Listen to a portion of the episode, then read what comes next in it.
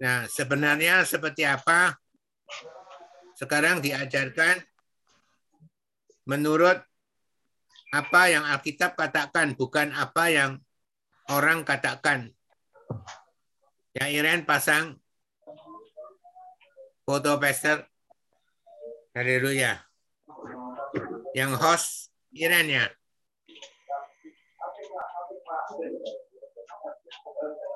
Oke. Wah, udan. Dan udan, Endol. Oke.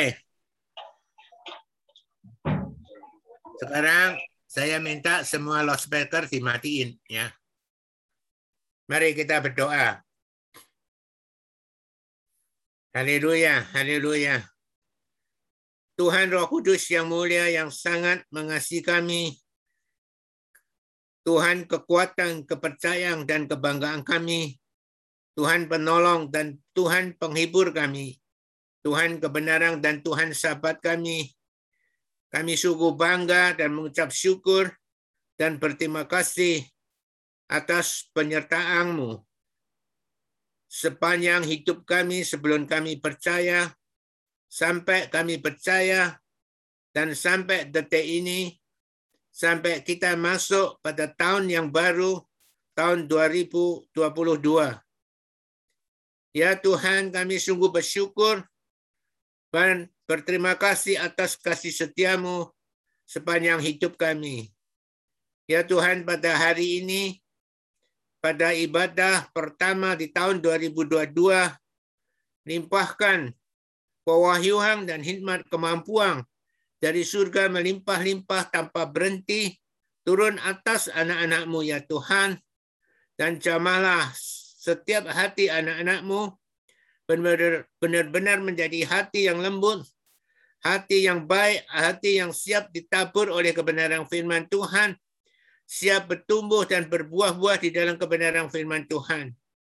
Dan mampukan hambamu, kuatkan hambamu, terutama layakkan hambamu untuk menyampaikan pengajaran tentang baptisan di dalam baptisan kematian Kristus benar-benar dapat disampaikan dengan benar dan dapat dimengerti oleh anak-anakmu dan menjadi kekuatan bagi anak-anakmu dan tidak ragu lagi atas kebenaran baptisan dalam kematian Kristus yang Alkitab katakan, bukan apa yang dikatakan orang. Ya Tuhan, inilah doa-doa kami dan kami percaya Kau dengarkan doa-doa kami dan kau kabulkan doa-doa kami.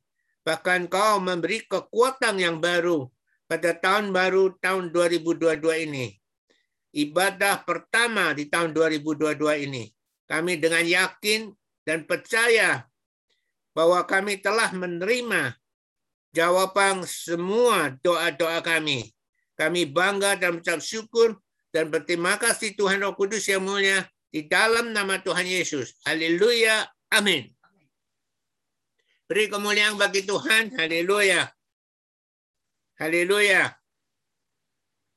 Saudara, baptisan di dalam baptisan di dalam baptisan kematian Kristus itu ditemukan di dalam Roma pasal 6 ayat 1 sampai ayat 7. Jadi itulah yang dimaksud baptisan di dalam baptisan dalam kematian Kristus. Nah, sekarang masalahnya apakah kita perlu dibaptis atau apakah murid Kristus harus dibaptis di dalam kematian Kristus? Jawabnya adalah ya.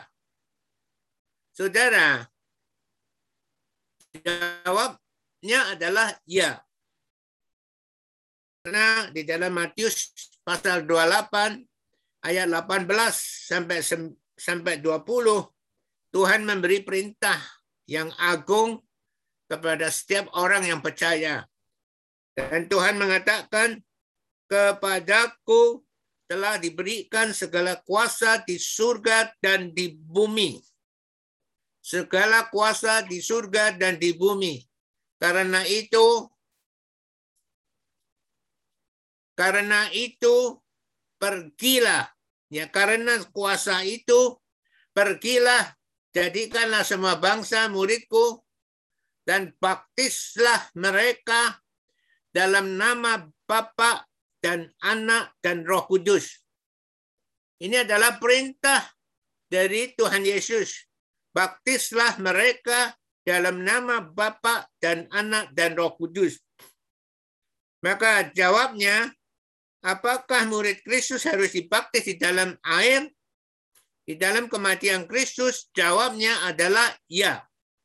Karena perintah dari Tuhan Yesus. Dan Pastor sudah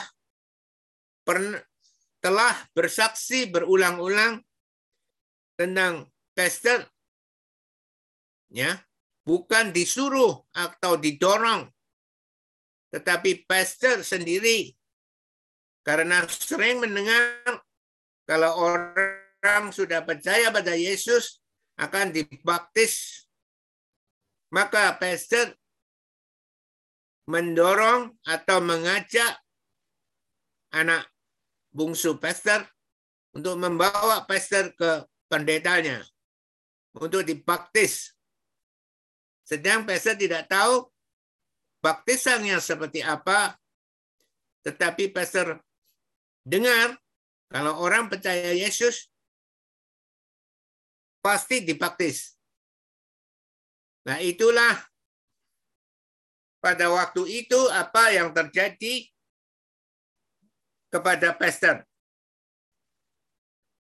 Saya tidak tahu saudara-saudara bagaimana saudara bisa dibaptis atau kepengen dibaptis. Itu saudara yang tahu. Tetapi yang jelas, pastor begitu berkomitmen, percaya kepada Yesus sebagai juru selamat dosa pastor, sebagai Tuhan pastor, maka apa yang dikatakan oleh Tuhan Yesus melalui Alkitab, pastor lakukan semua. Dan pastor taat semua. Maka saudara, maka saudara jangan ragu lagi apakah murid Kristus harus dibaptis? Jawabnya adalah iya. Harus dibaptis dalam nama Bapa dan Anak dan Roh Kudus. Jadi ketika kita dibaptis, yang membaptis pasti mengatakan dalam nama Bapa dan Anak dan Roh Kudus sesuai dengan iman percayamu kamu dibaptis di dalam nama Tuhan Yesus. Itu adalah baptisan. Maka jika saudara juga taat, maka saudara bukan dibaptis saja, tetapi saudara jika saudara taat pada perintah Tuhan, perintah Tuhan Yesus, pada satu saat saudara juga harus membaptis orang-orang yang sudah percaya kepada Yesus sebagai Kristus dan Tuhan. Dan menerima baptisan itu, apakah penting? Jawabnya adalah sangat penting itu bukan suatu upacara. Jika kita menerimanya adalah sebagai upacara, maka kita kehilangan kegunaan di dalam baptisan itu. Jadi, pentingnya di mana itu adalah pentingnya untuk kita menyatakan bahwa kita mau bertobat. Orang yang mau dibaptis itu orang yang menyatakan dirinya mau bertobat dan tidak mau melakukan dosa lagi. Dan yang menyatakan bahwa dia meletakkan iman mereka di dalam Yesus Kristus Tuhan. Karena ini adalah perintah dari Yesus sendiri. Baptislah mereka dalam nama Bapa dan Anak dan Roh Kudus. Jadi jika kita mau dibaptis, selain kita menyatakan kita mau bertobat, yang kedua adalah menyatakan iman kita bahwa kita meletakkan iman kita pada Yesus sebagai Kristus dan Tuhan. Karena ini adalah perintahnya. Maka baptisan di dalam kematian Kristus itu tidak bisa sendiri. Maksudnya tidak diketahui oleh orang. Di dalam keadaan yang sangat sangat itu baru bisa. Ya, karena terpaksa dia membaptis diri sendiri. Tetapi umumnya adalah harus disaksikan oleh banyak orang bahwa kita menyatakan iman kita kepada Yesus sebagai Kristus, sebagai juru selamat dosa kita, dan sebagai Tuhan kita. Maka orang yang percaya tapi tidak mau dibaptis berarti dia sebenarnya belum percaya. Itu yang dikatakan oleh kitab Yakobus. Kalau kita mempunyai iman, tapi tidak disertai dengan perbuatan iman kita itu, maka iman itu adalah mati. Maka apa yang dilakukan oleh pastor itu bukan karena pastor, karena anugerah Tuhan dia telah mempersiapkan pastor untuk dibimbing dan terus diajar akhirnya menjadi sekarang ini. Maka jika saudara sekarang ini terus diberi kesempatan untuk diajar dan diajar dan diajar karena Tuhan menaruh harapan kepada saudara. Kalau saudara mau dipakai oleh Tuhan, saudara juga akan melakukan banyak hal mujizat. Maka saudara juga akan merasakan kebahagiaan jika dua orang jika dua hari saja orang itu mau meninggal dan akhirnya setelah didoakan dia hidup kembali dan hidup gagah perkasa maka ada sukacita yang luar biasa ternyata Tuhan mendengarkan doa kita maka saudara, jika saudara juga mau dipakai oleh Tuhan, saudara mau taat pada Tuhan, maka Tuhan akan pakai saudara. Oke, haleluya. Dan yang kedua adalah kita telah belajar tentang kitab kisah para rasul. Dari pasal 1 sampai pasal 30 31 kita sudah menemukan gereja yang seperti apa yang harus dibangun.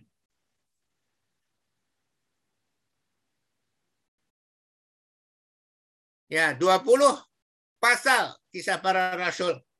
Kita telah diajar bahwa di sepanjang sepanjang kitab itu itu adalah kisah, itu adalah cerita para rasul yang dipilih oleh Yesus sendiri ketika ditinggalkan Yesus begitu saja naik ke langit dan ke surga. Dan Tuhan Yesus menambahkan rasul yang baru setelah dia naik ke langit dan ke surga yaitu Rasul Paulus dan Rasul Paulus juga mengurapi rasul-rasul yang di bawahnya. Dan bagaimana mereka terhadap tentang baptisan. Di dalam kisah Rasul 2 ayat 31 sampai 41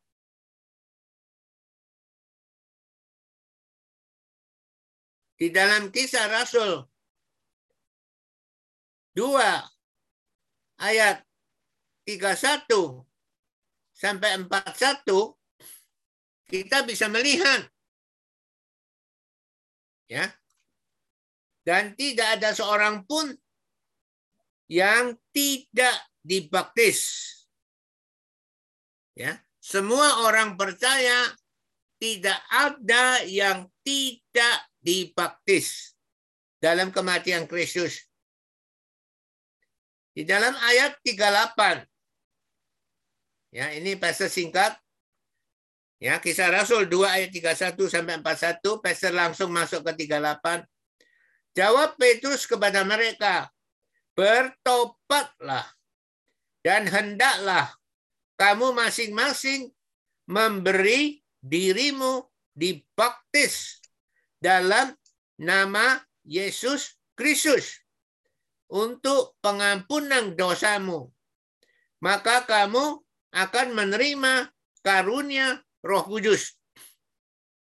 Maka pada waktu itu orang yang dibaptis dalam kematian Kristus, mereka pasti juga akan didoakan menerima karunia roh kudus, yaitu baptisan roh kudus.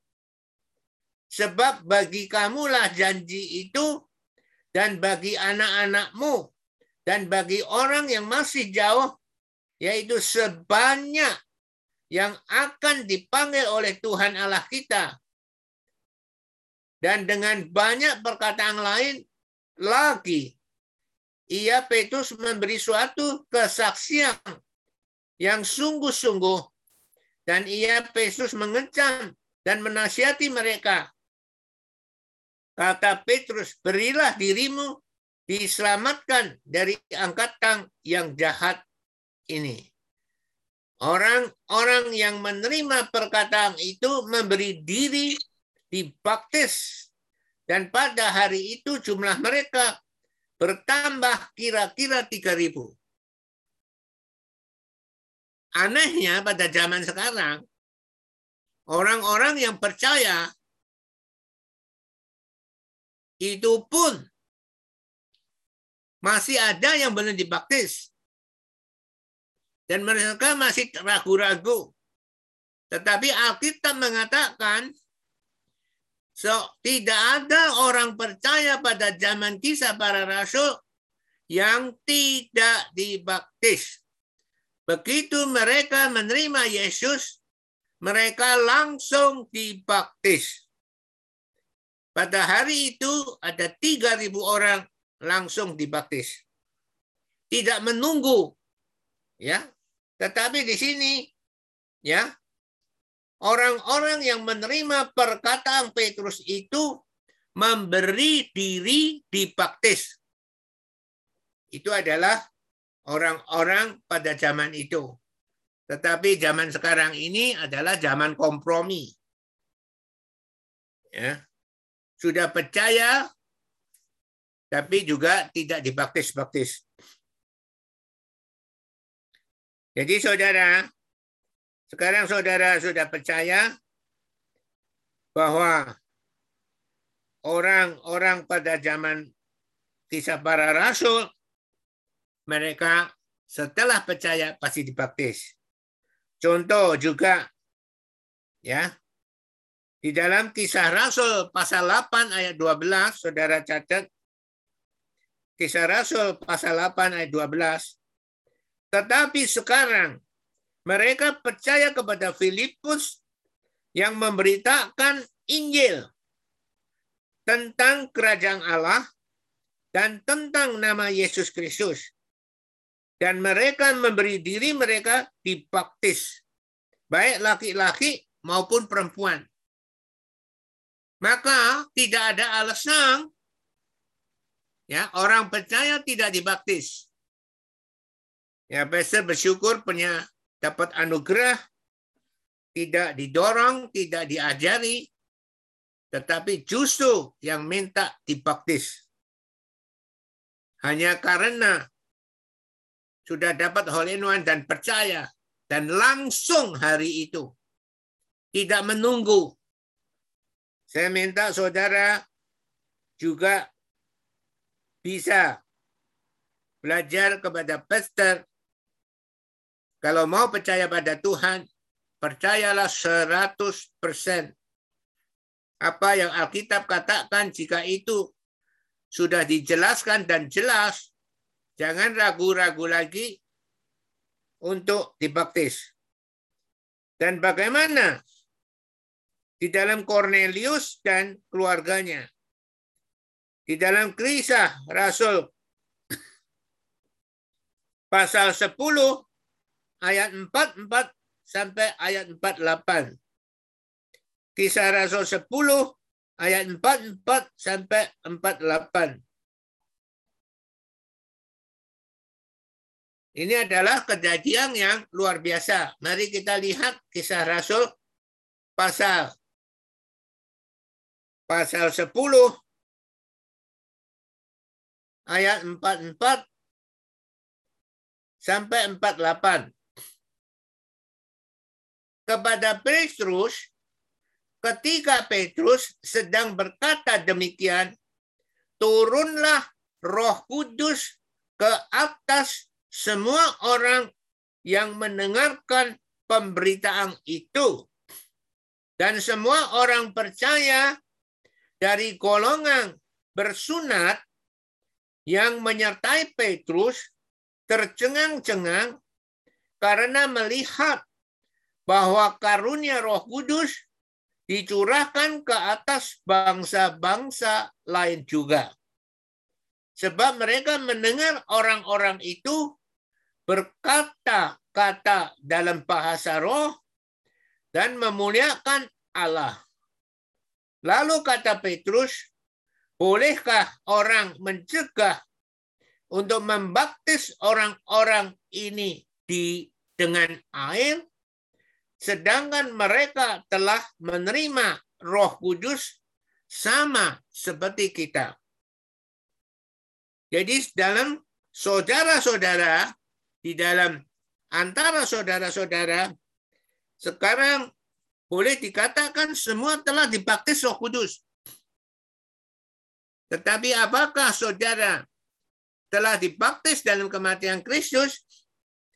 Maka Paulus, maka Petrus bertanya, bolehkah orang mencegah untuk membaptis orang-orang ini dengan air? Mereka telah dibaptis Roh Kudus. Apakah yang telah dibaptis Roh Kudus? Apakah ada yang mencegah untuk membaptis orang-orang ini dengan air? Sedangkan mereka telah menerima Roh Kudus sama seperti kita. Maka lalu Petrus menyuruh mereka dibaptis dalam nama Yesus Kristus. Kemudian mereka meminta Petrus supaya ia tinggal beberapa hari lagi bersama-sama dengan mereka. Jadi pada waktu itu orang yang percaya baik yang belum dibaptis Roh Kudus maupun setelah dibaptis Roh Kudus pun semuanya dibaptis dalam kematian Kristus. Jadi saudara, sekarang saudara sudah yakin bahwa kalau saudara memang beriman pada Yesus sebagai Kristus dan Tuhan saudara, maka saudara harus taat pada perintah Tuhan. Baptislah mereka dalam nama Bapa dan Anak dan Roh Kudus. Dan di dalam kisah Rasul pasal 10 ayat 44 sampai 48 itu di situ menyebut apa? bahwa orang yang dibaptis itu adalah orang-orang yang mengerti kenapa mereka harus dibaptis. Maka di dalam ayat 44 ketika Petrus sedang berkata ya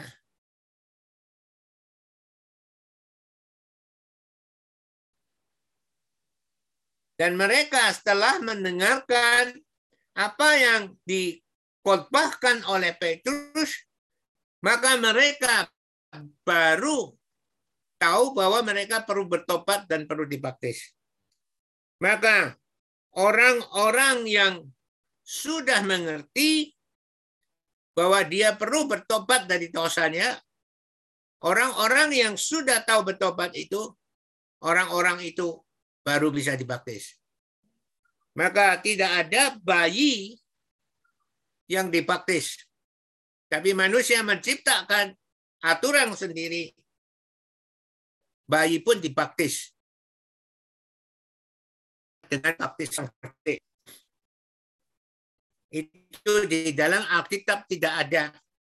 Orang yang bertobat, yang mau bertobat, itu yang dibaptis. Orang yang tahu namanya bertobat, bahasa tahu dia harus bertobat. Dia makan pun harus disuapi. Dia tidak tahu apa yang dinamakan bertobat. Tapi anak kecil yang sudah tahu mau bertobat, anak kecil mungkin 8 tahun, 9 tahun, 10 tahun, dia tahu sudah dia adalah orang berdosa, dia perlu bertobat, dia bisa dibaptis Roh Kudus. Tetapi bayi itu tidak bisa dibaptis ya dengan air dengan baptisan air percik. Contoh, Yesus sendiri di dalam Lukas pasal 2 ayat 22 sampai 23. Saudara catat Lukas pasal 2 ayat 22 sampai 23. Lukas 2 ayat 22 sampai 3. Dan ketika genap waktu pentahiran menurut hukum Taurat Musa, mereka membawa dia Yesus ke Yerusalem untuk menyerahkan Yesus kepada Tuhan. Seperti ada tertulis dalam hukum Tuhan, semua anak laki-laki sulung harus dikuduskan bagi Allah. Yesus umur 8 ya diserahkan kepada Tuhan. Tetapi Yesus tidak dibaptis. Yesus dibaptis setelah umur 30 tahun. Jadi saudara, jelas, amin. Maka, kenapa kita tidak mengikut agama? Karena Alkitab tidak mengajar kita ikut agama. Alkitab judulnya adalah perjanjian kita belajar perjanjian Tuhan, kita mau menerima perjanjian Tuhan. Itu adalah orang Kristen. Orang percaya. Tetapi kita menghargai bahwa agama itu mengajar orang baik. Kalau tidak ada agama, maka akan kacau. Tetapi kalau menurut Alkitab, kita mengikut janji Tuhan. Nah, tadi anak kecil dibaptis dengan baptisan percik itu adalah peraturan manusia. Maka peraturan manusia yang tidak sesuai Alkitab itu dinamakan agama Kristen atau agama Katolik. Ya, orang percaya Yesus ada dua agama, agama Kristen dan agama Katolik. Tetapi jika saudara mau naik ke surga, saudara hanya ikut janji Tuhan, bukan janji manusia. Saudara jika ikut janji manusia, saudara tidak ikut janji Tuhan. Maka jangan dengarkan kata orang, tetapi kembali kepada Alkitab, apa yang Alkitab katakan. Nah, tadi firman-firman Tuhan yang pastor berikan pada saudara sebagai dasar kenapa orang percaya harus dibaptis. Dan dibaptis seperti apa? Yaitu dibaptis di dalam kematian Kristus. Dan sekarang sekarang pertanyaannya adalah bagaimana murid Kristus menerima baptisan dalam kematian Kristus?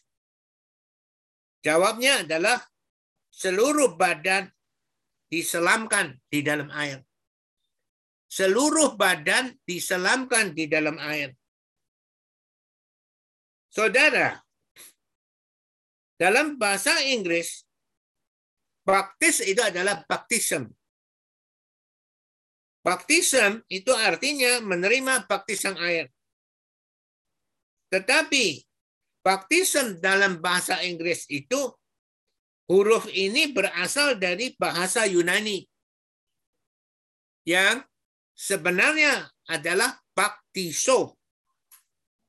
Ya, bahasa Yunani adalah baptiso.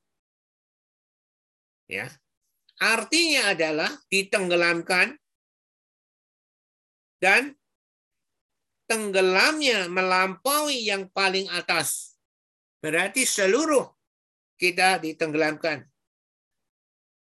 Dan huruf ini kalau saudara melihat ya kamus bahasa Yunani, baptiso artinya yaitu kain yang ditenggelamkan ke dalam pewarna supaya diganti warnanya.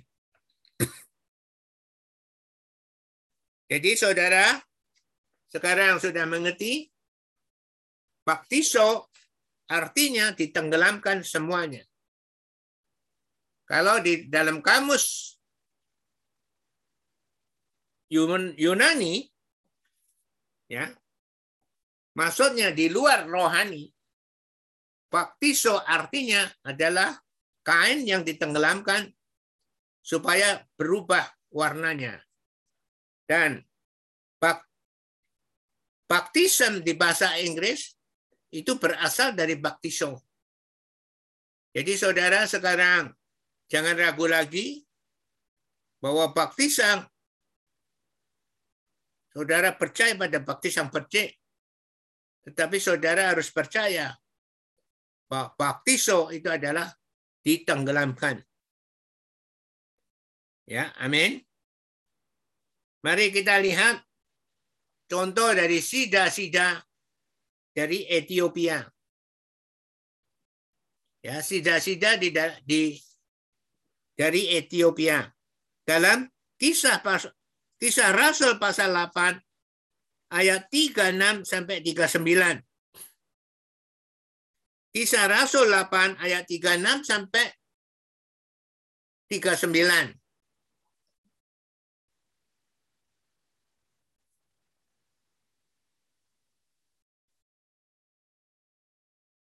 Tiga enam sampai tiga sembilan. Kisah Rasul 8.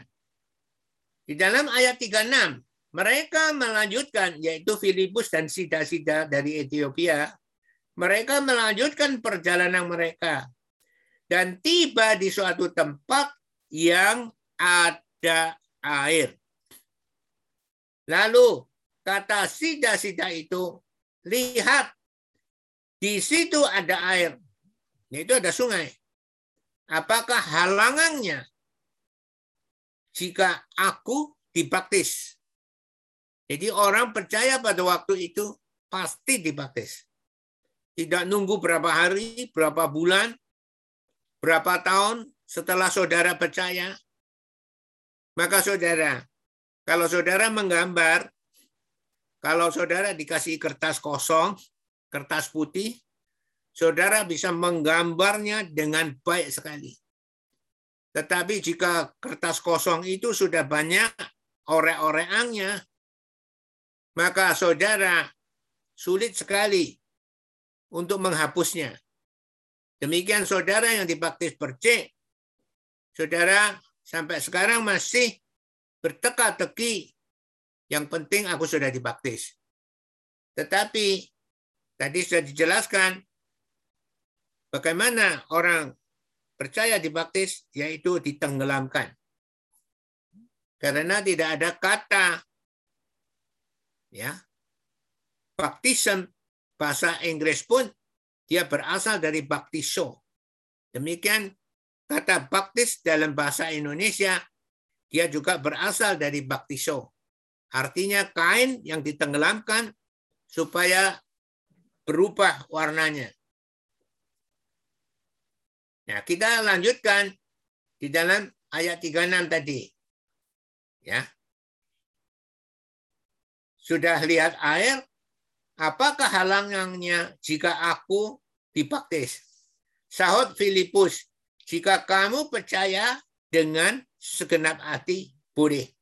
Setiap orang yang percaya dengan segenap hati bahwa Yesus yang menolong dosanya, yang menjadi Tuhannya, boleh. Jawabnya, jawab Filipus. Jawab Sida-sida. Aku percaya bahwa Yesus Kristus adalah anak Allah, yaitu yang dari surga. Lalu orang Ethiopia itu menyuruh menghentikan kereta itu dan keduanya yaitu Sida-Sida dan Filipus turun ke dalam air, turun ke dalam air. Jika baptisan percaya itu benar, maka Sida-Sida itu cukup dia membawa tempat minum. Maka Filipus cukup memercikkan di kepala sida-sida. Maka sida-sida itu sudah dibaptis. Tetapi kenapa mereka harus turun ke dalam air? Karena itu harus ditenggelamkan di dalam air. Jadi kalau saudara pakai logika, saudara punya bahasa Indonesia yang cukup, saudara bisa mengartikan ya bahwa di situ apa tadi ya baik Filipus maupun sida-sida itu ya menghentikan kereta air itu dan keduanya turun ke dalam air. Perhatikan, turun ke dalam air. Untuk apa? Baik Filipus maupun sida-sida itu. Mereka turun ke dalam air dan Filipus Filipus membaptis sida-sida. Dan setelah mereka keluar dari air, perhatikan. Setelah mereka keluar dari air, Roh Tuhan tiba-tiba melarikan Filipus dan sida-sida itu tidak melihatnya lagi. Berarti Filipus terbang dengan tanda heran kuasa mujizat. Ia sida-sida meneruskan perjalanannya dengan sukacita. Jadi ini adalah salah satu contoh kenapa Filipus tidak membaptis dengan tempat minum dari sida dari sida-sida itu dan dia membaptis dengan baptisan percik. Saudara, jangan ragu lagi. Baptisan adalah baptisan di dalam kematian Kristus. Sekarang kita lihat lagi. Kitab Roma pasal 6 ayat 1 sampai 7. Ini semua berdasarkan Alkitab, bukan berdasarkan apa yang Pastor katakan, tetapi apa yang Alkitab katakan.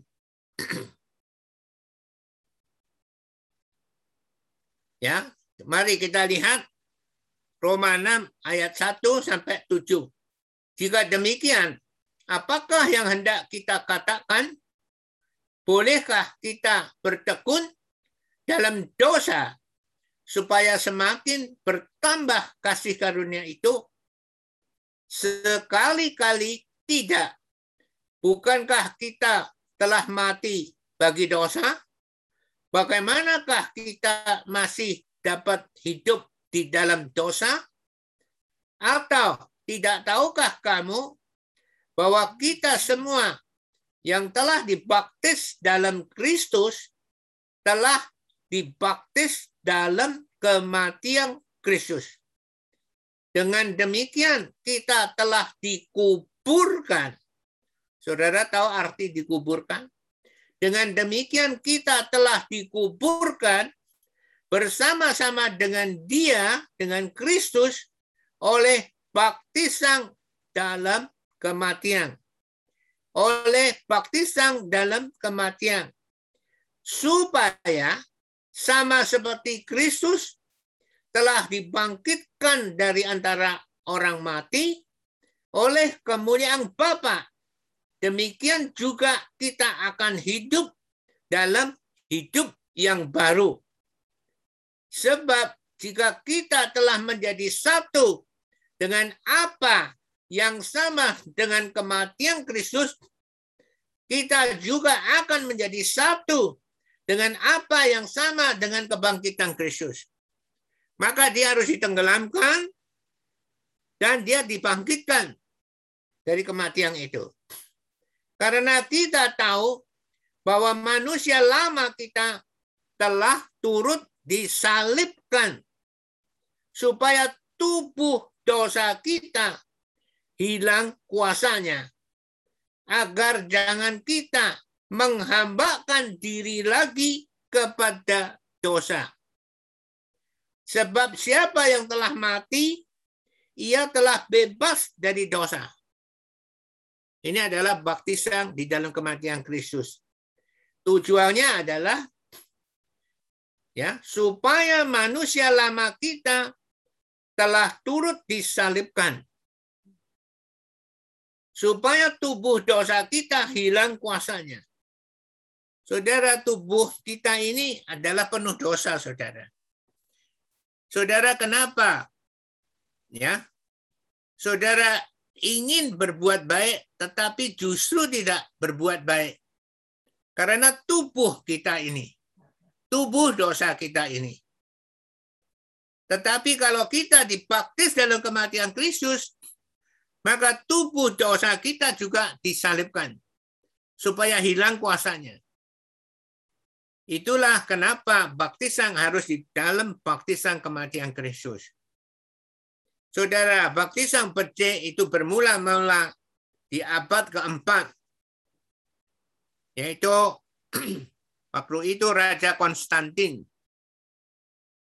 yang mimpi bahwa pasukannya pakai salib dan perang menang.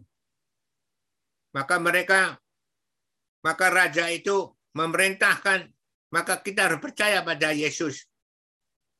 Tetapi asal asalan mereka juga percaya pada dewa bulan, dewa matahari, dewa-dewa. Mereka juga percaya pada Yesus. Nah, kalau percaya pada Yesus, tidak ada yang tidak dibaptis. Maka dia juga ingin dibaptis.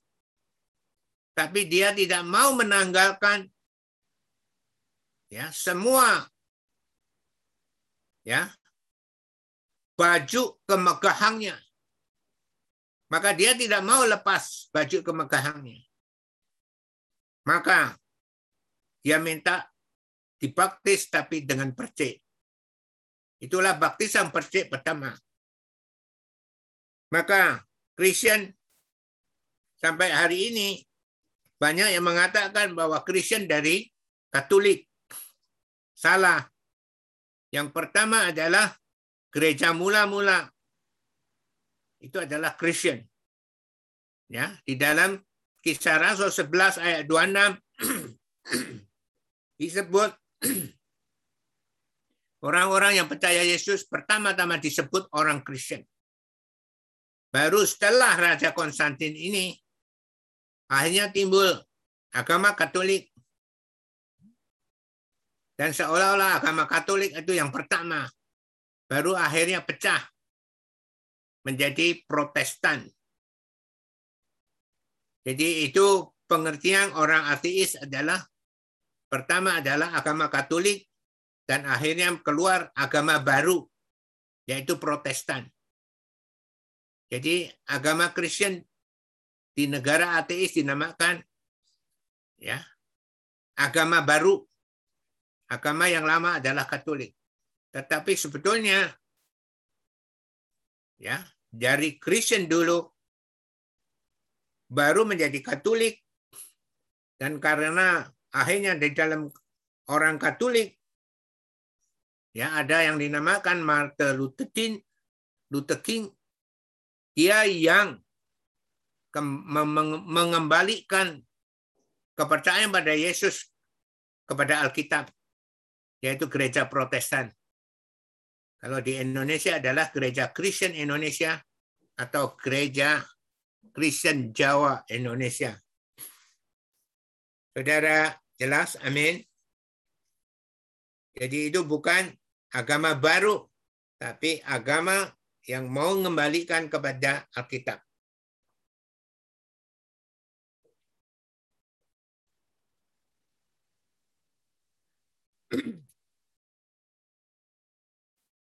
Dan paman saya, dia bangga atas agama Katoliknya. Dan saya ajari dia tidak mau percaya. Dia tetap agama Katolik adalah lebih tua daripada agama Kristen.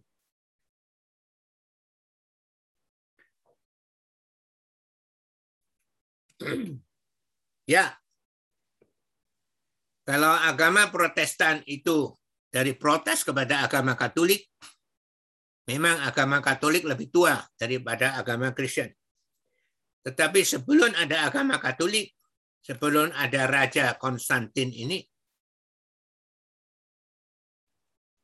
orang percaya yang pertama-tama gereja mula-mula di kisah para rasul itu adalah orang Kristen.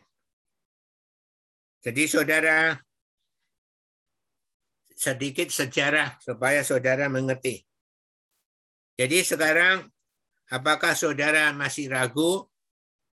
Hai saudara-saudara yang di antara saudara yang masih ragu seperti saudara dulu ragu tentang baptisan Roh Kudus ya seperti Ibu Yohana ya pada pada waktu itu eh kenapa aku harus dibaptis Roh Kudus? Bukankah aku sudah dibaptis gitu kan?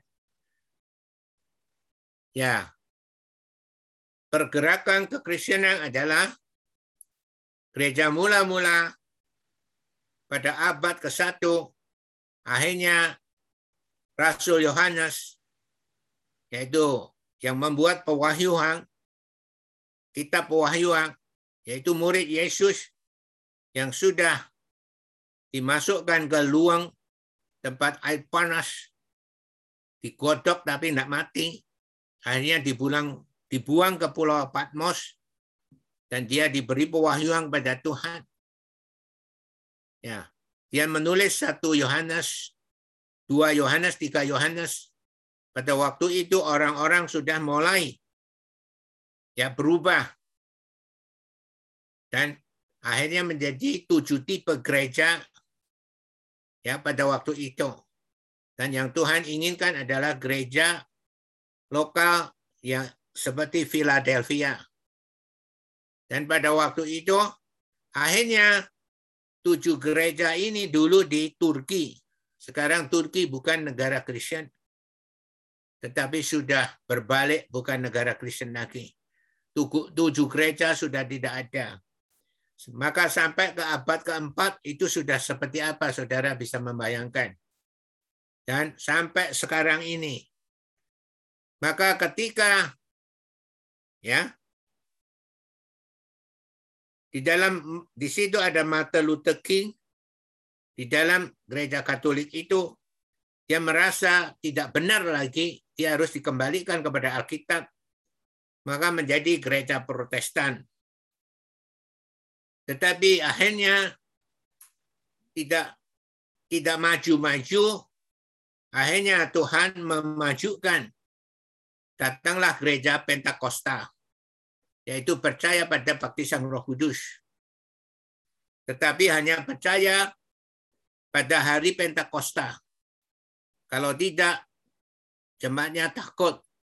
Apakah itu Roh Kudus atau itu setan? Bahkan saya pernah mendoakan orang gereja dari Pentakosta, dia percaya sekarang bukan hari Pentakosta, sedang dia sangat gawat sekali. Saya berkeinginan, berharap dia bisa dipakai Roh Kudus supaya dia tidak diamputasi karena dia kena diabetes yang sangat berat. Tapi dia percaya pada itu dia takut dibaptis. Nanti yang masuk adalah roh jahat. Ya akhirnya dia meninggal. Ya akhirnya Tuhan gerakkan lagi menjadi gereja karismatik yang percaya pada baptisan Roh Kudus ya dan percaya pada baptisan dalam kematian Kristus. Tetapi akhirnya Tuhan menggerakkan lagi karena gereja karismatik sangat tidak memperhatikan firman Tuhan. Bahkan pengkhotbahnya waktu mau khotbah aja sudah di mimbar pun belum siap karena dia nunggu pewahyuan dari Tuhan baru dia khotbah. Bagaimana khotbah tidak disiapkan bisa menyampaikan khotbah dengan benar. Maka kembalilah dimajukan akhirnya menjadi sekarang ini Yang sekarang ini yang saudara tekuni di dalam tubuh Kristus ini adalah gereja karismatik Injili. Jadi gereja karismatik Injili sangat memperhatikan tentang firman Tuhan. Ya tidak ada nama lain. Maka saudara, terserah saudara mau kembali ke gereja yang orang ateis menyebut gereja yang baru, yaitu ajaran yang baru. Kalau Katolik itu adalah yang mula-mula Protestan itu yang baru. Kalau saudara percaya pada doktrin dari gereja Protestan, maka saudara tidak akan percaya baptisan dalam kematian Kristus. Saudara hanya percaya kepada baptisan petik. Jadi terserah saudara. Saudara mau percaya Alkitab atau percaya kata orang atau percaya pada ya ajaran orang tetapi tidak sesuai dengan Alkitab. Jadi inilah baptisan di dalam kematian Kristus tujuannya untuk mematahkan kuasa tubuh dosa ini. Mari kita lihat Roma 7 ayat 14. Ini jelas sekali tentang tubuh. Tubuh kita.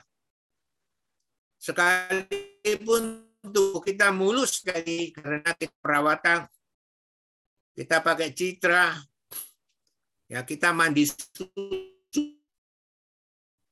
Ya, karena kita supaya kulit kita menjadi kulit halus, kita mandi susu minum susu aja mahal mandi susu.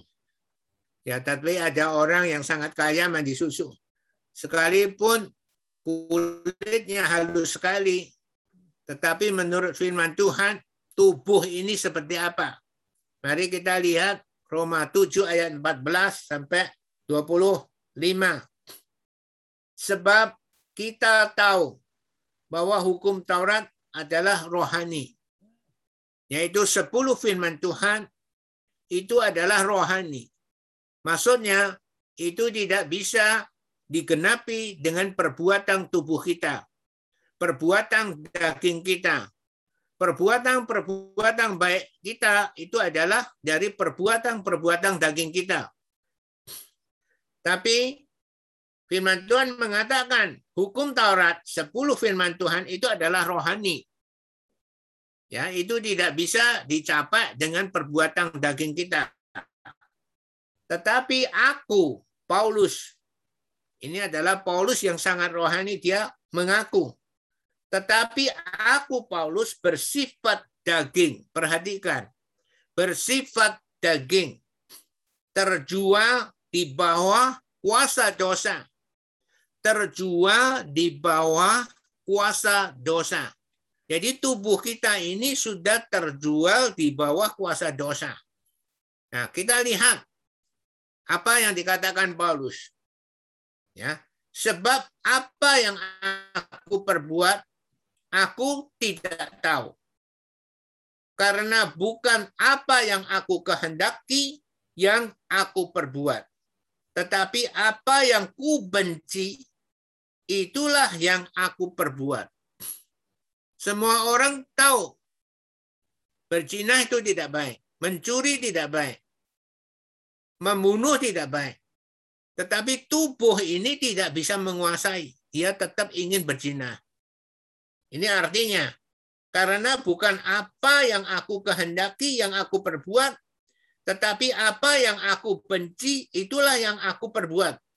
Inilah tubuh yang dikuasai oleh dosa. Jadi, jika aku perbuat apa yang tidak aku kehendaki, yaitu aku menyetujui bahwa hukum Taurat itu baik. Sepuluh firman Tuhan itu kita akui. Baik. Kalau demikian, bukan aku lagi yang memperbuatnya, tetapi dosa yang ada di dalam aku itu. Nah, ini adalah penjelasan Paulus. Dosa yang di dalam yang ada di dalam aku. Sebab aku tahu bahwa di dalam aku, yaitu di dalam aku sebagai manusia, tidak ada sesuatu yang baik. Jadi tubuh ini adalah tidak ada sesuatu yang baik. Yang jelek dia suka, berzina suka, bohong suka, gosip suka. Sebab kehendak memang ada di dalam aku, tetapi bukan hal berbuat apa yang baik. Sebab bukan apa yang aku kehendaki, yaitu yang baik, yang aku perbuat. Melainkan apa yang tidak aku kehendaki, yaitu yang jahat yang aku perbuat. Jadi, jika aku ber, berbuat apa yang tidak aku kehendaki, maka bukan lagi aku yang memperbuatnya, tetapi dosa yang diam di dalam aku dosa yang diam di dalam aku. Jadi kalau saudara percaya pada daging saudara, ya saudara percaya pada dosa.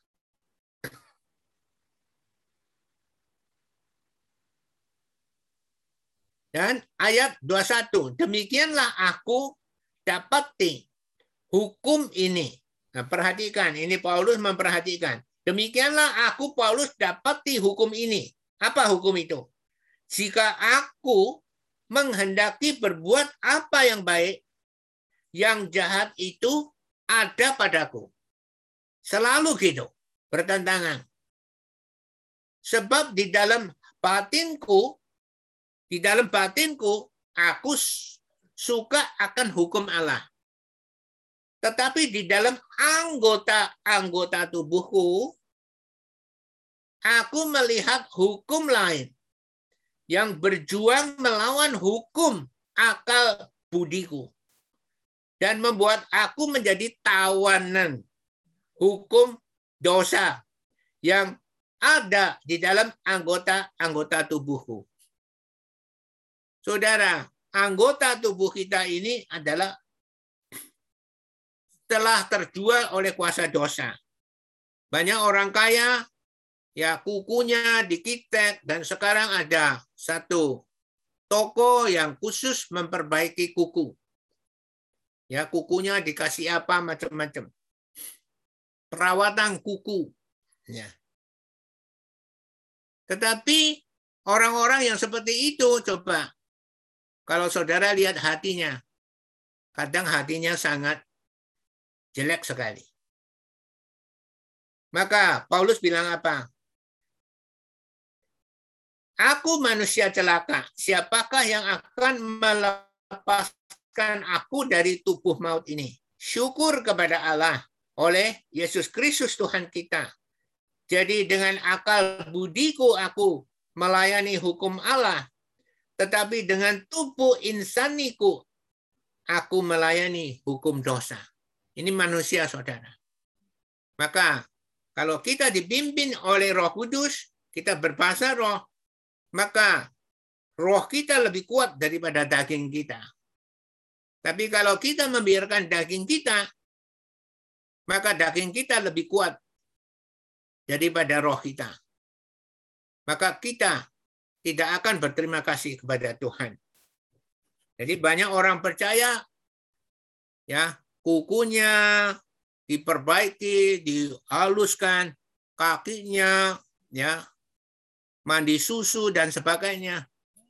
Tapi hatinya, maka Tuhan bilang Amsal 31 ayat 30. Kemolekan adalah bohong. Kecantikan adalah sia-sia. Tetapi istri yang takut akan Tuhan dipuji-puji. Apa yang takut akan Tuhan? Yaitu takut pada kebenaran firman Tuhan. Bahwa perempuan diambil diambil dari tulang rusuk laki-laki dan dibangun oleh Tuhan menjadi perempuan. Kenapa dinamakan perempuan? Karena diambil dari laki-laki. Itu sebabnya dinamakan perempuan. Jadi perempuan bukan ratu, tapi adalah penolong. Ya, istri yang menjadi penolong, yang mau menjadi penolong bukan menjadi ratu, itu adalah istri yang takut akan Tuhan. itu dipuji-puji. Maka saudara, kalau saudara membiarkan daging saudara, ya saudara akan dikuasai oleh dosa. Maka baptis dalam kematian Kristus itu untuk mematahkan tubuh dosa kita. Supaya do, tubuh dosa kita tidak berkuasa lagi. Itu adalah gunanya baptisan di dalam baptisan kematian Kristus.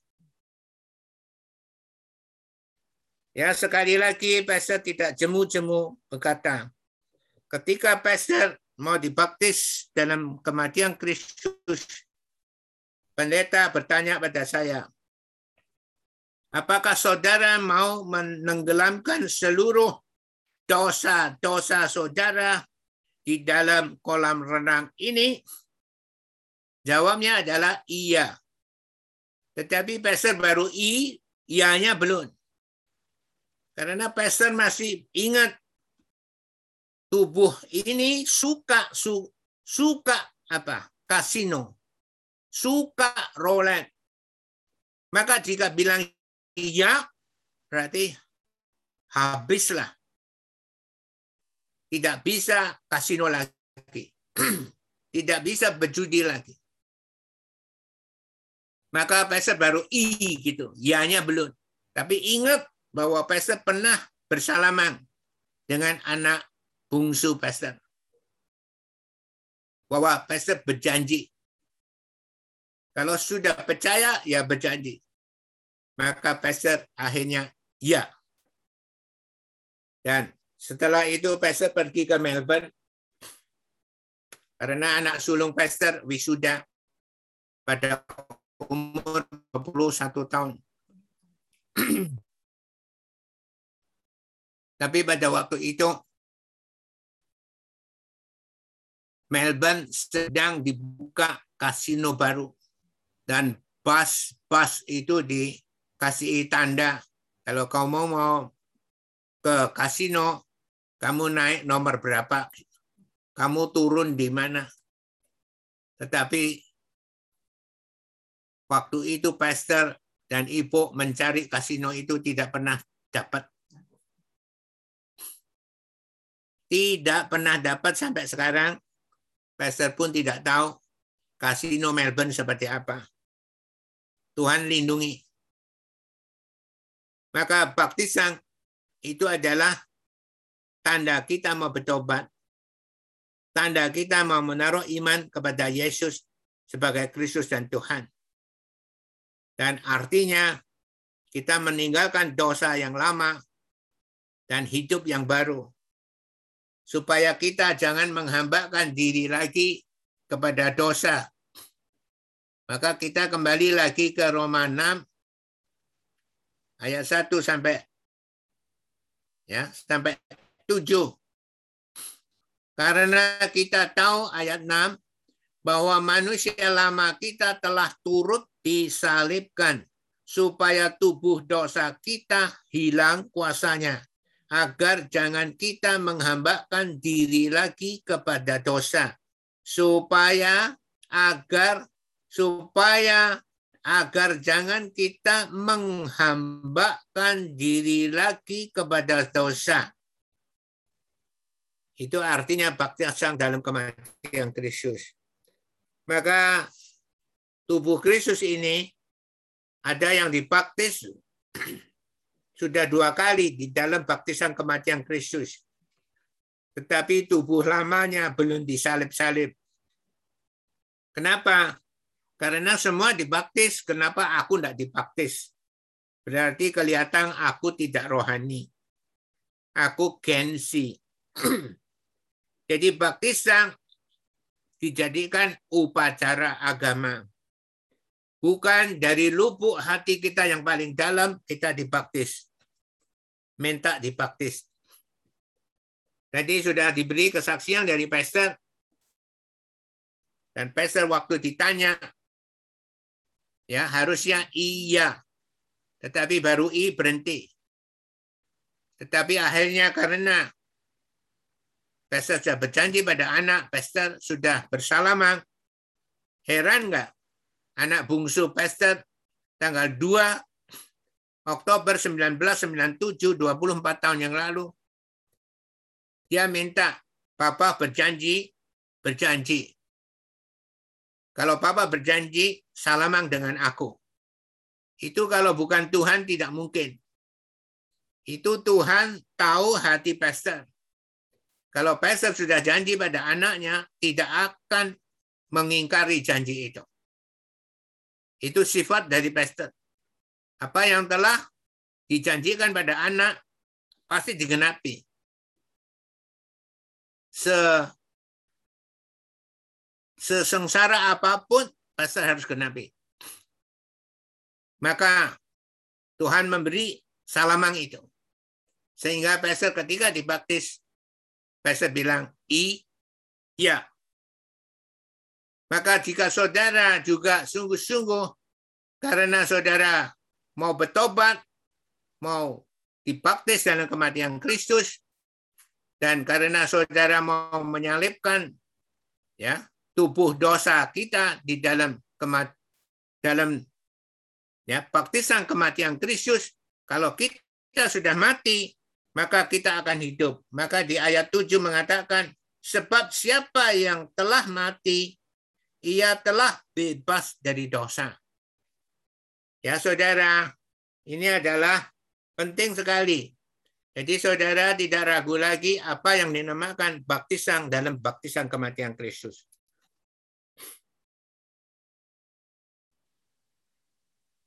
Saudara, soal baptisan ini adalah hal-hal yang sungguh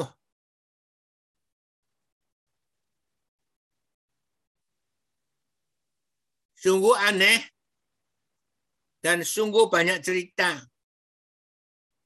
Dulu di dalam perusahaan pastor juga ada orang-orang yang percaya pertama percaya pada baptisan percaya Akhirnya dia telah dijelaskan dengan firman Tuhan, mereka mulai percaya pada baptisan di dalam kematian Kristus. Dan mendorong teman-temannya untuk dibaptis di dalam kematian Kristus.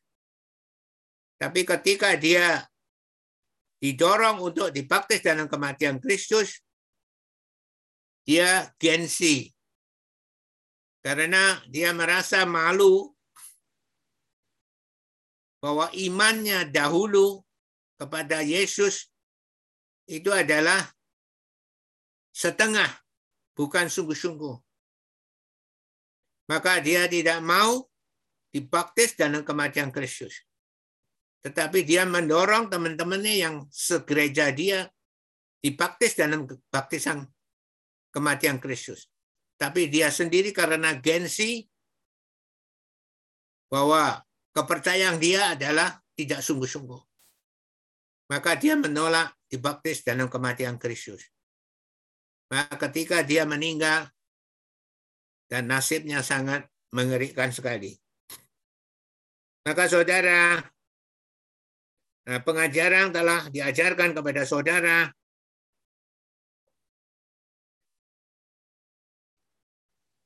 Dan saudara itu adalah pilihan saudara. Dan ada orang yang merasa kehidupannya kurang baik, maka dia merasa juga malu untuk dibaptis. Tetapi Tuhan mengajar kepada kita, walaupun kelihatannya kehidupan kita kurang baik, kita juga seharusnya dan sedapat mungkin segera menerima baptisan dalam kematian Kristus. Karena tidak ada seorang pun yang sempurna. Seperti apa yang dipandangan Tuhan. Kita tidak boleh berpikir bahwa kita kurang sempurna. Maka tidak dapat mengikuti Yesus. Karena kita diselamatkan karena anugerah Tuhan, bukan karena perbuatan kita. Dan kita seharusnya mau mengikuti Yesus dan mentaati kepada perintahnya itu.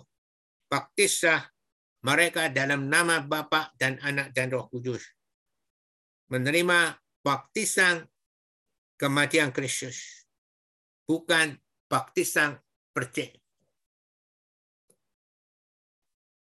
Saudara, ini adalah pengajaran yang diajarkan pada saudara. Dapatkah kita memilih tidak menerima baptisan dalam kematian Kristus? Jawabnya adalah tidak. Karena di dalam kisah Rasul 2 ayat 38, kisah Rasul 2 ayat 38, jawab Petrus kepada mereka, bertobatlah dan hendaklah kamu masing-masing memberi dirimu dibaptis dalam nama Yesus Kristus untuk pengampunan dosamu. Maka kamu akan menerima karunia Roh Kudus. Jadi baptisan dalam kematian Kristus itu adalah segera. Ya. Dan di dalam gereja mula-mula kita tidak kita menemukan tidak ada orang yang setelah menerima Yesus sebagai Kristus dan yang tidak mau menerima baptisan. Mereka semua mau.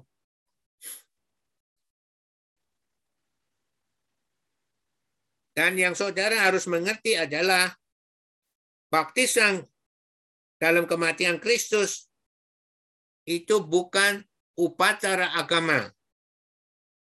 Jadi Jangan menganggap kalau kita sudah dibaptis dalam kematian Kristus, maka baptisan itu yang menyelamatkan kita.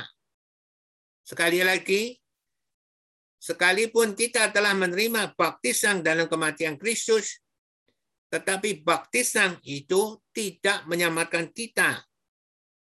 Yang menyelamatkan kita adalah iman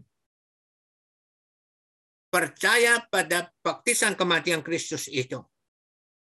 Iman itu yang menyelamatkan kita. Dulu Pastor juga mempunyai surat baptisan. Dan surat baptisan itu Pastor simpan di lemari besi. Dan kenapa disimpan di lemari besi? Karena itu adalah surat surga Saudara, yang menyelamatkan kita itu bukan surat baptisan itu.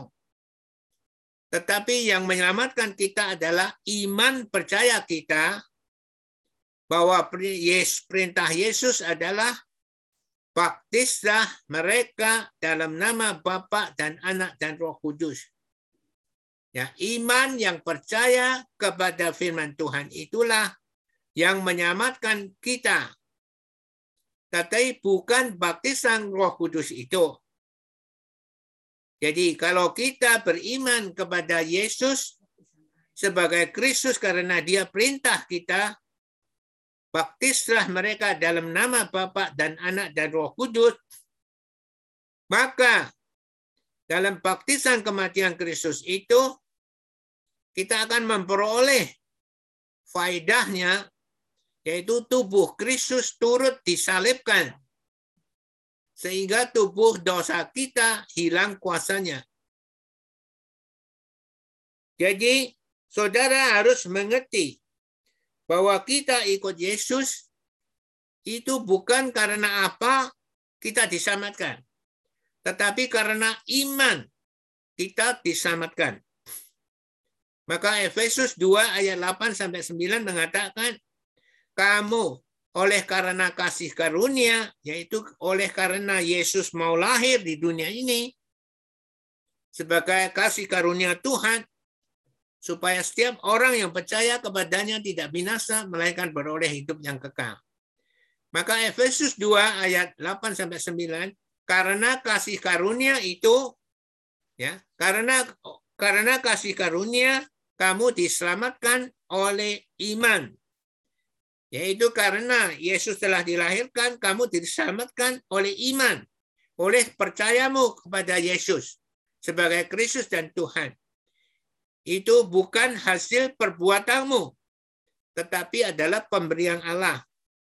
Itu bukan hasil pekerjaanmu, Jangan ada orang yang memegahkan diri. Jadi sekaligus saudara harus mengerti, kita kenapa mau dibaptis dalam kematian Kristus? Karena ini adalah perintah Tuhan Yesus. Dan kita diselamatkan bukan karena baptisan kematian Kristus itu, tetapi kita diselamatkan karena kita punya iman yang percaya kepada Yesus sebagai Kristus dan Tuhan yang memerintahkan kita supaya kita dibaptis dalam nama Bapa dan Anak dan Roh Kudus. Jadi, saudara mengerti tetapi saudara yang muda-muda ini, karena saudara belum menikah, saudara butuh surat baptisan kematian Kristus. Karena saudara di dalam negara kita, kalau saudara mengatakan saudara adalah orang Kristen, saudara mengadakan pernikahan, saudara harus menunjukkan surat baptisan. dalam kematian Kristus itu. Jadi saudara mengerti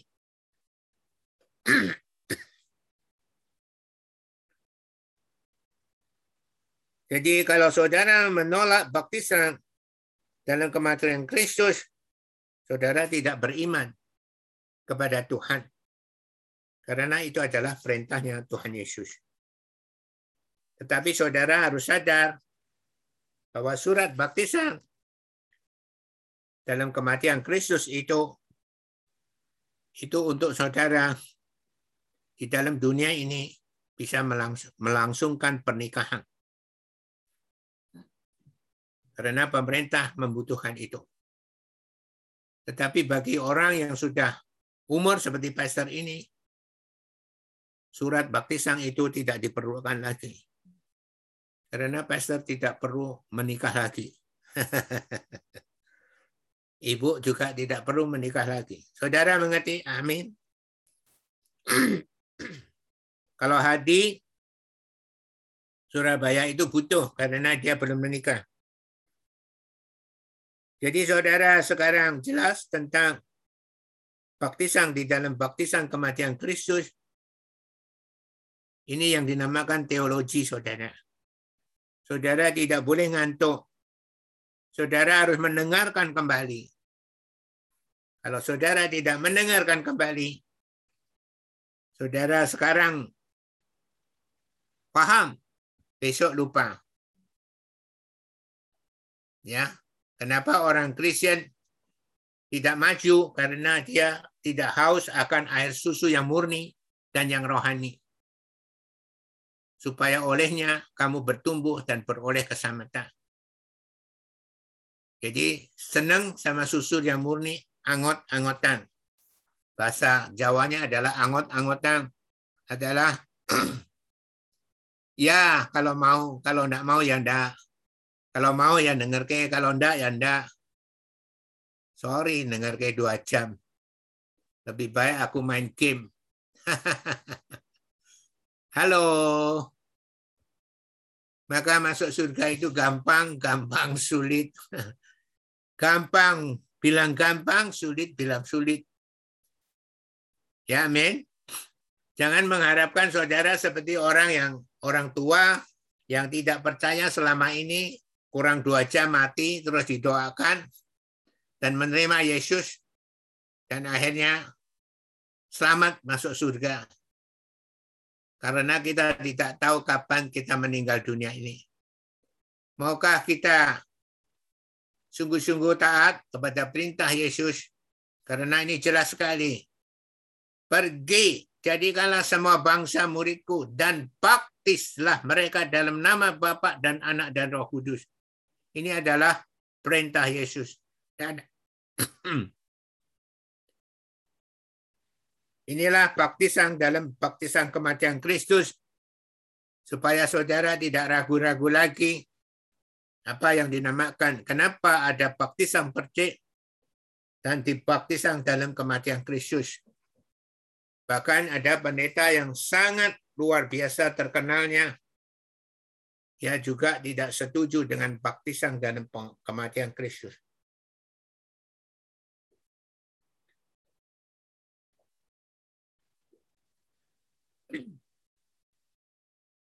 Masalahnya bukan soal baptisan kematian Kristus atau baptisan petik. Tapi masalahnya apakah kita beriman kepada kebenaran firman Tuhan. Kalau kita beriman, kita akan mengerti di dalam Roma 6 ayat 1 sampai 7 itu. Supaya tubuh dosa kita disalibkan, turut dikuburkan, turut disalibkan, dan dipatahkan kuasanya. Tadi sudah disebut Roma 7 ayat 14 sampai 25 tubuh tubuh kita ini sekalipun kita sudah percaya pada Yesus kenapa kita masih bisa berbuat dosa? Karena tubuh kita ini kuat sekali. Ya. Apalagi namanya cinta. Cinta itu buta, Saudara. Begitu saudara cinta, saudara menjadi buta. Sungguh. Ya, amin. Karena tubuh ini. Tapi kalau saudara mau dibangun dengan berbahasa roh membangun roh saudara, maka roh saudara lebih kuat dari tubuh saudara. Dan saudara akan apa pun berani. Ya, kemarin Pasal di Singapura juga menemukan orang aneh. Ternyata sakit minum obat.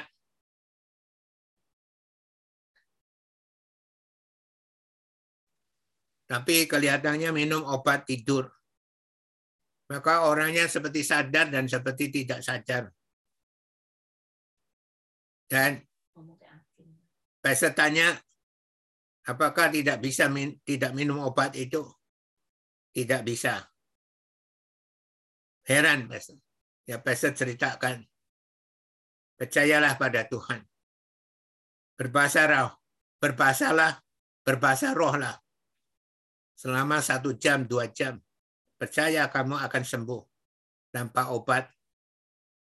Saudara, belajarlah saudara percaya pada Tuhan. Jangan percaya kepada apa yang saudara lihat. Ya, sekali lagi manusia di dunia ini serohaninya apa pun, sehebatnya apa pun, mungkin dia pendeta yang terkenal. Jika dia tidak hati-hati pada nasihat Tuhan 1 Yohanes 2 ayat 15, dia juga akan jatuh sekalipun dia sudah melayani 40-50 tahun. 1 Yohanes 2 ayat 15 mengatakan, janganlah kamu mengasihi dunia dan apa yang ada di dalamnya. Jika orang mengasihi dunia, maka kasih akan Bapa, kasih terhadap Bapa tidak ada di dalam orang itu. Kita tidak bisa berterima kasih kepada Bapa telah memberikan anaknya yang tunggal Yesus sebagai Kristus dan Tuhan di dalam hidup kita. Kita anggap keselamatan itu adalah hal yang lumrah, yang semestinya. Saudara, tidak semua orang bisa menerima Yesus. Tidak orang, tidak tidak semua orang yang bisa sungguh-sungguh menerima Yesus sebagai Kristus dan Tuhan.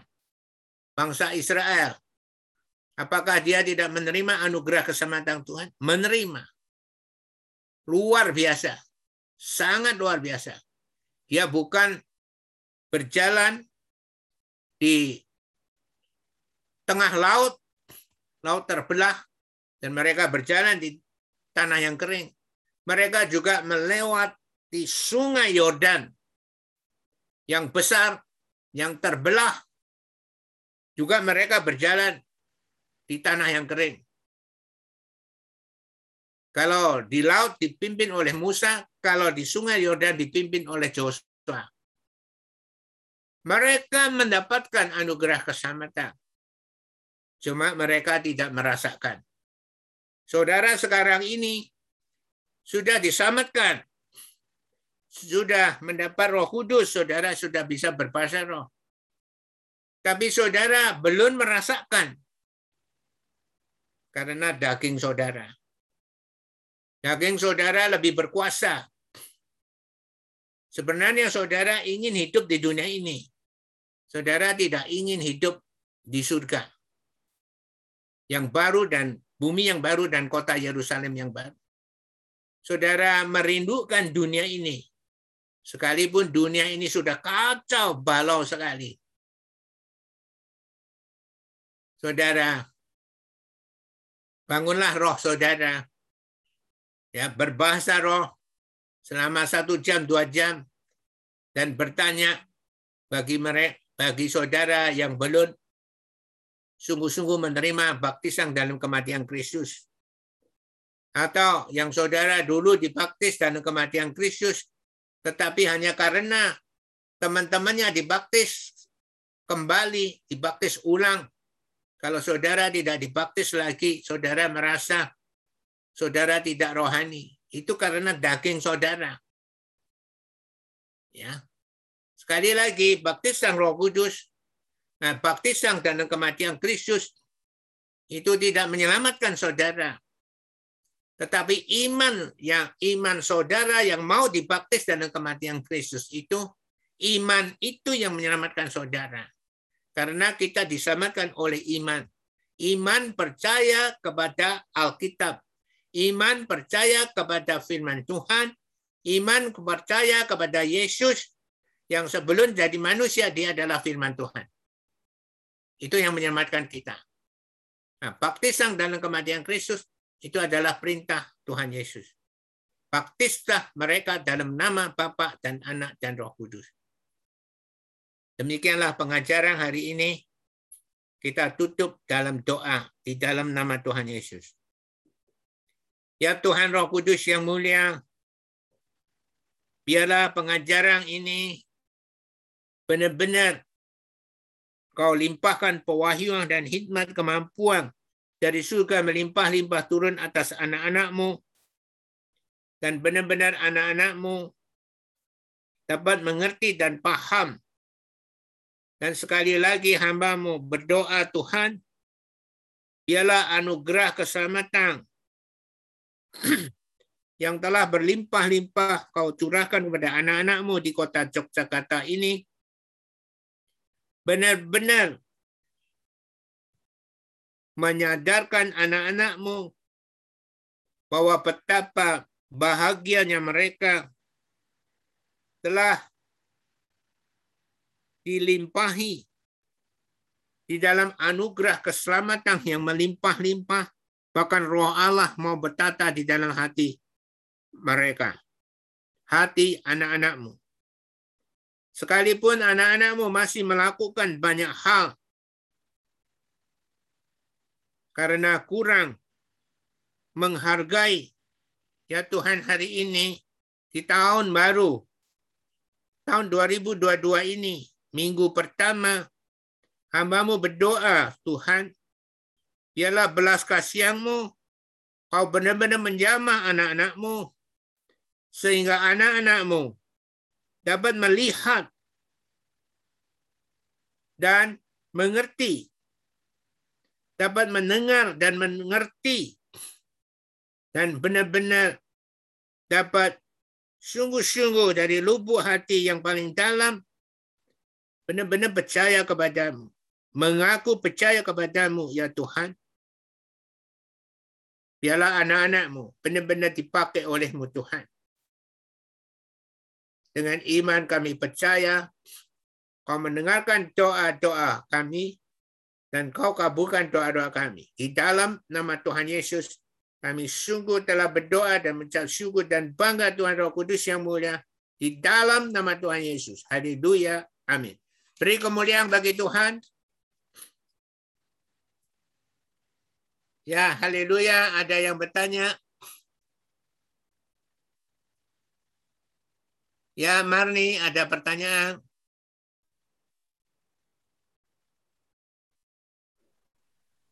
Untuk pertanyaan, uh, belum ada pester. Khotbahnya sudah jelas. Terima kasih, Pester. Siap dibaptis dalam kematian Kristus? Siap, Pastor. Ibu Yani, apakah kau siap atau Dani Silalahi? Kau siap mewakili pastor untuk membaptis anak-anak yang belum dibaptis dalam baptisan kematian Kristus? Hai Daniel Silalahi, hai Ibu Yani Angki.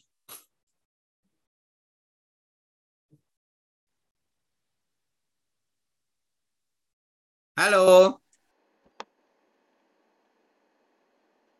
Halo Dani Silalahi maupun itu pesta katanya nih yang lebih anu senior. Hah? Suruh pastor yang membaptis. Halo Yani, Ibu Yani. Ya, Pastor. Siapkah kau? Kau sudah dilatih Tuhan di lautan.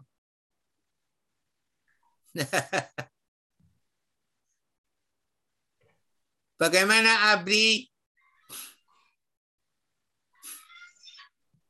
Ada pertanyaan?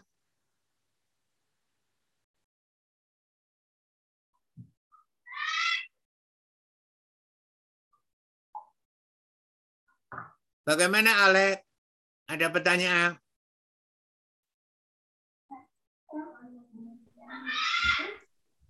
Tidak ada pester, tapi namanya sudah jelas pester tentang baptisan.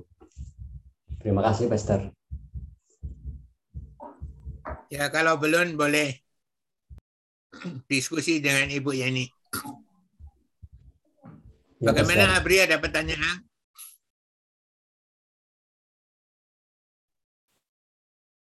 pertanyaan belum sih Pester ya eh, banyak sangat apa sangat baik sebagus Pester eh, tentang baptisan terima kasih Pester cukup cukup jelas Pester kalau untuk khotbah Pester Ya oke. Kalau bisa dilaksanakan kalau belum. Bagaimana Ricky? Ya, Pastor. Untuk pertanyaan belum ada, Pastor. Sudah cukup jelas. Saya pikir Ricky sudah dibaptis dalam kematian Kristus ya. Ya, Pastor. Kalau belum boleh diskusi dengan Ibu Yani.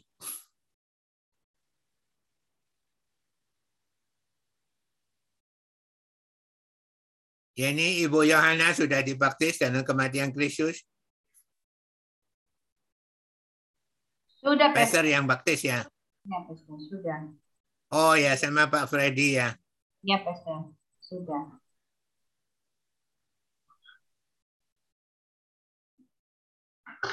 Ya sekali lagi kita diselamatkan oleh iman percaya kita. Yaitu iman terhadap Yesus. Iman terhadap seluruh firman yang ditulis di dalam Alkitab. Belajarlah percaya kepada Alkitab daripada percaya pada orang lain. Tetapi jika kita tidak mengerti Alkitab, tidak pernah membaca Alkitab, bagaimana kita tahu itu benar atau itu salah? Maka Pastor sarankan dengarkan khotbah-khotbah kembali supaya saudara benar-benar jelas dan hidup saudara jelas. Saudara mau ke mana jelas. Oke, jika tidak ada pertanyaan, kita sudahi sampai sekarang. Biarlah Tuhan Roh Kudus yang mulia menyertai saudara dari sekarang sampai selama-lamanya di dalam nama Tuhan Yesus. Haleluya. Amin. Amin. Thank you, Pastor. Terima Terima kasih kasih, Pastor. hanya. Ya, thank you. Hati. Pak Agus ada pertanyaan? Gak ada, Master. Jelas.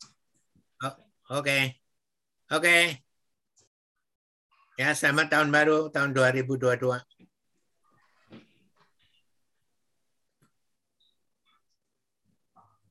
Shalom Bu Sri, bye bye. Terima kasih Bu Sri. Selamat tahun baru, selamat tahun baru Pak Agus. Selamat tahun baru Alex, selamat tahun baru Mama, Ireni, Elia. Selamat tahun baru.